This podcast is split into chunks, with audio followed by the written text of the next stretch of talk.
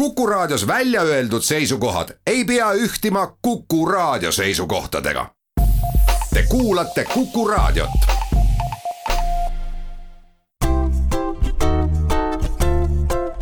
patsiendiminutid, Patsiendiminutid toob teieni Eesti Patsientide Liit. tere, hea Kuku kuulaja, mina olen Kadri Tammepuu peagi lõppevad suveilmad aitasid akusid laadida ja nüüd koputab sügis uksele. päike käib järjest madalamalt, viirushaiguste hooaeg on varsti käes ja kuivõrd meie saade, mis on ette lindistatud, läheb eetrisse just nimelt taasiseseisvumise päeval, siis üks iseseisva vabariigi kodanik peaks siiski oskama ise enda tervist elementaarselt hoida. sestap meenutamegi, et milline roll on siin just nimelt bioaktiivsetel ainetel ja miks alati sisse söödud vitamiinidest ei piisa, isegi kui neid võetakse parajas annuses. ma olen tänaseks jutuajamiseks kutsunud saatesse meditsiini biokeemiku, Tartu Ülikooli professori Mihkel Silmeri. halloo, tervist, Mihkel! tere, tere! no meie sinatasime sinuga varem ja teeme nii ka täna. no ikka, endiselt. tore. september, nagu öeldakse, kohe käes ja nüüd on paras aeg üle vaadata, kuidas sügiseks valmistuda. kas D-vitamiini purgikene on nüüd paras aeg välja otsida? Vot selle kohta võiks öelda, et eh, kui inimene on normaalne sööja, ühesõnaga sööb korralikku segatoitu, siis ju reeglina mingisuguseid purgikesi vaja väga välja otsida ei ole, aga siin on üks erand, erandiks on tõepoolest vitamiin D. kui nüüd ähm, vitamiin D-d on võetud näiteks ka mingil põhjusel juba augustis või isegi läbi suve, kuidas see sügis võiks D-vitamiini võtmist muuta? Sa kenasti ütlesid, et suvi oli ja laaditi ja akusid ja nii edasi. vaata, head sõbrad, head kuulajad, päike tekitab meile nahka, mitte seda lõpp D-vitamiini kolme vormi, mida me tegelikult vajame, mis meil organismis täidab väga palju tähtsaid ülesandeid, sealhulgas ka immuunsüsteemi korraliku töö tagamist. vaid päike tekitab eelvormi nahka ja vot sellest eelvormist peab meie organismis maks tekitama vahevormi ja edasi saadetakse see neeru, kus tekitakse lõppvorm. no ma ütlen selle lõppvormi nime ka, see on kaltsitriool, vot see on sellise hormonaalse toimega ühend ja meil on siis vajalik seda lõppvormi. nüüd veel kord juhin tähelepanu, päike ei tekita lõppvormi, nii et päike on küll väga tubli, aga meie organism peab ise hakkama saama selle algse vormi viimisega lõppvormi. nüüd tulles kohe ka toidulisandi juurde, kui inimene võtab toidulisandit, D-vitamiini kapsleid, noh, rasvlahusta ühed, siis ka see on see algvorm, see eelvorm. Ja ka selle peab maks viima vahevormi ja edasi peab viima selle neer siis lõppvormi. see lause, et päike on tore ja, ja päevitamine tekitab meil rohkesti D-vitamiini, see on alles eelvorm, sellega peab meie organism hakkama saama selleks, et viia see lõppvormi no klaarime natuke seda päikese rolli ka veel, sest äh, sa ütlesid, et äh, eelvorm tekib päikese mõjul nahas. kuidas äh, siis inimene hakkama saab, sest sügistalvel käib ju päike madalalt?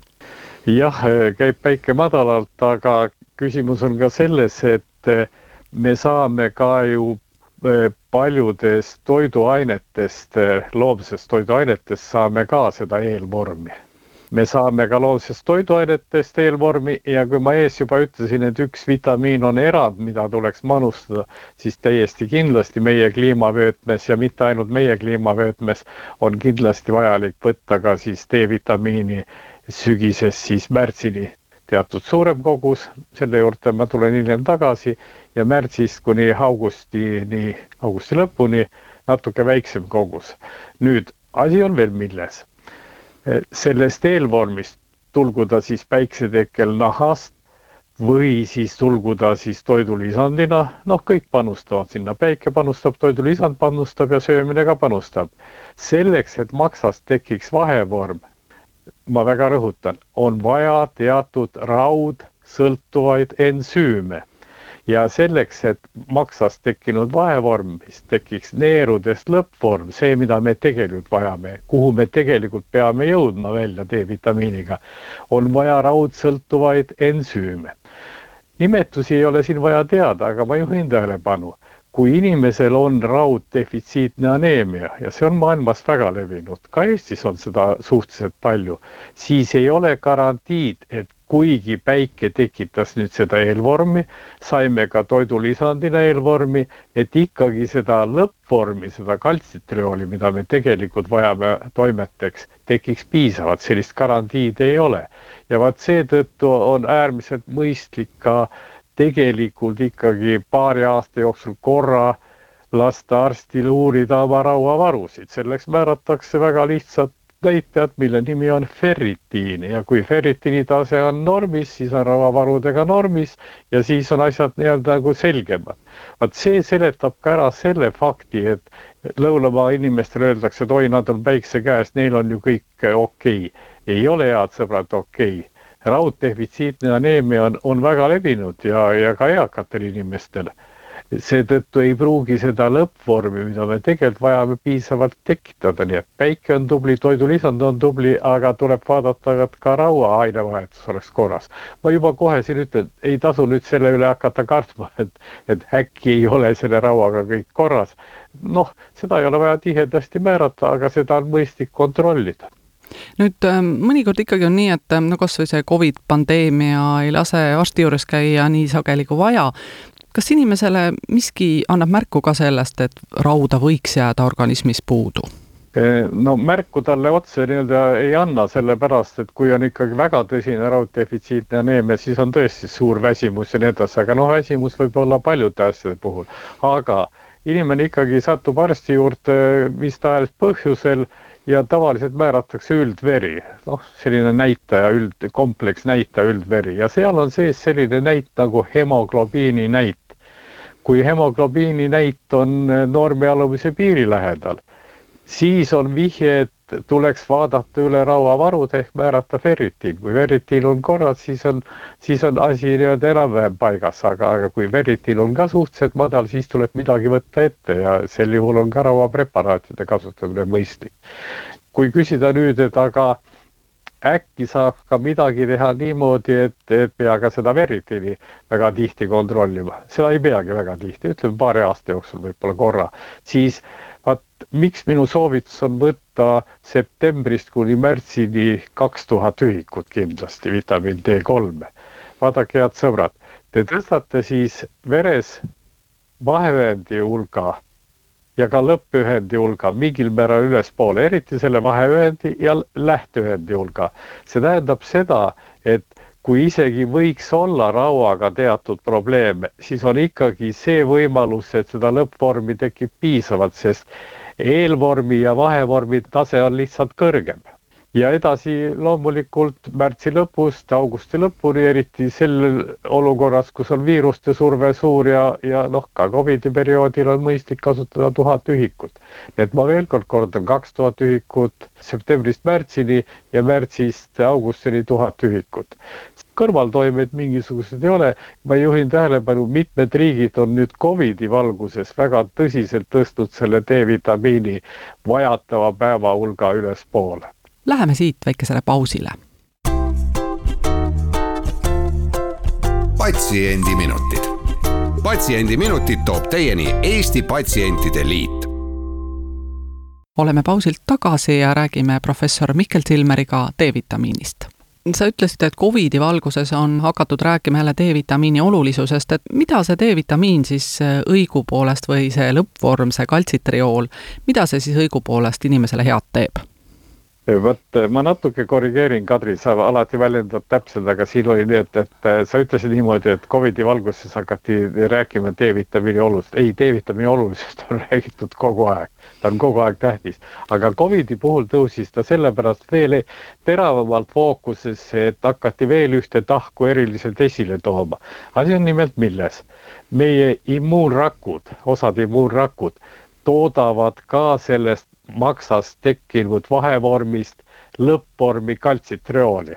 ma eespool ütlesin, et neerud teevad seda, väga õige, neerud teevad nii-öelda kogu organismi tarbeks, aga immuunrakud suudavad teha ka enda tarbeks seda sellest maksa vahevormist, kaltsitioolist. see tähendab seda, et kui D-vitamiini tase on okei okay,, siis tegelikult immuunrakkude kaitsevõime on oluliselt parem, sest neil on kaltsitriool seal enda poolt produtseeritud ja kui küsida, et mis siis seal läheb lahti, seal läheb, kohe see lahti, et immuunrakud hakkavad tootma noh, lisaks paljudele muudele asjadele, milleks kaltsitriooli vaja on või vitamiin D3, ütleme siis niimoodi, hakkavad tootma ka mikroobide ja bakterivastaseid peptiide. Need immuunrakud, see ei, ei teki olukorda, kus nad lähevad nii-öelda noh, kasutame rahvalikku väljendit, liiga närvi ja hakkavad põletikumarkereid ka tootma ja nii edasi, nii edasi, palju ülesandeid. nii et see, et D-vitamiin on seotud luukoe tervishoiuga, see on nii-öelda klassika, aga nüüd on selgunud ka palju muid ülesandeid, sealhulgas ka väga tugev roll selleks, et immuunsüsteem talitleks võimalikult hästi kui me tänasest saatest rääkisime sa viitasid, et sul on saanud valmis ka üks selline tore Youtube'i video, mis räägib just nimelt D-vitamiini olulisusest. Ja teistpidi ma tean ka, et sinu moto on olnud aastaid, et ole teaduspõhine ja samas mõistuspärane. seleta seda natukene lahti, kuidas sa ellu rakendad seda põhimõtet ja, ja miks see kasulik on, miks ainult teadusest ei piisa väga hea, minu moto on tõesti, et, et normaalne ühiskond on võimalik siis, kui teaduspõhisust kasutatakse koos mõistusepõhise mõtlemisega. see tähendab äh, mida? väga tihti öeldakse, et vot see asi on teaduspõhine. see on absoluutselt õige ütlus, sellepärast et kui asi on teaduslikult korralikult korduvalt tõestatud, siis on ta teaduspõhine. aga selle häda on selles, et mõningad inimesed, ma ei mõtle kedagi konkreetset persooni kogu maailmas ja neid ei olegi väga vähe, hakkavad selle teaduspõhisusega vehkima nagu noh, ütleme sellise ülimliku nuiaga, et vot see on teaduspõhine, nii ongi, aga nad ei ilmuta selle juures mõistusepõhist mõtlemist. nii et tuleb ka oma mõistus rakendada koos selle teaduspõhisusega ja vot siis tekib sümbioos. no ma toon sellise näite. eespool ma rääkisin, et mõistlik oleks kasutada kaks tuhat ühikut vitamiin D-d septembrist märtsini. nüüd, kui võtta äh, sellised praegused kehtivad normid, siis selles ei ole sellist kogust, seal on niimoodi, et võib-olla kaheksasada ühikut, võib-olla nelisada ühikut.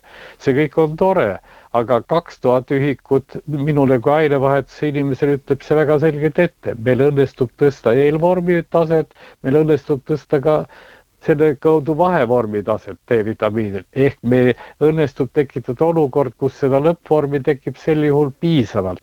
nii et vaat, kui selline mõistusepõhine arutlus panna kokku koos teaduspõhisusega, siis ongi õige moto ja nii tulebki asjadega tegeleda sinul on teadlasena ikkagi natuke lihtsam kui tavakodanikul, sa tead usaldusväärseid allikaid, kust infot hankida, oskad neid teadustulemusi ka interpreteerida, aga mis nõu anda tavakodanikule siis, kes igapäevaselt äh, näiteks tegutseb hoopis teises valdkonnas ja kuidas tema saaks selles infovirvarris terad sõkaldest eraldada?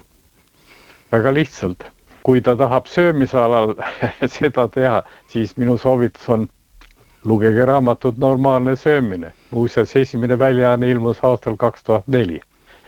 teisena vastuseks sinu küsimusele, sellepärast ma hakkasingi tegema, esimene on nüüd juba olemas, Youtube'i klippe, kus ma võimalikult lihtsalt seletan ka tavainimese jaoks, noh, kasutame sellist väljendit ära, kuidas on asi tegelikult. ehk veel kord, D-vitamiini kohta on selline klipp olemas, järgmine klipp tuleb oomega kolm rasvhapetest, need on lühikesed sellised klipid ja Youtube'i kanali pealkiri on võrdsustaja equalizer ehk inimeste harimine, lihtsalt harimine. Täpse informatsiooniga on ju kõige suurem inimeste võrdsustamine. ma veel ühe huvitava asja ütlen, tõepoolest on nüüd antud Euroopas ka luba kasutada teatud olukordades, manustada läbi toidu siis seda maksas tekkivat vahevormi. saate aru, siis on mõte selles, et siis ei ole vaja mässata eelvormist maksas vahevormi tekkega. see on tõepoolest Euroopa Liidus nüüd ilmselt leiab kinnitust, tuleb uuend toidus kasutusele ja see on päris hea mõte, minule on see mõte kogu aeg meeldinud, sellepärast et teatud olukordades on väga mõistlik saada seda maksavahevormi.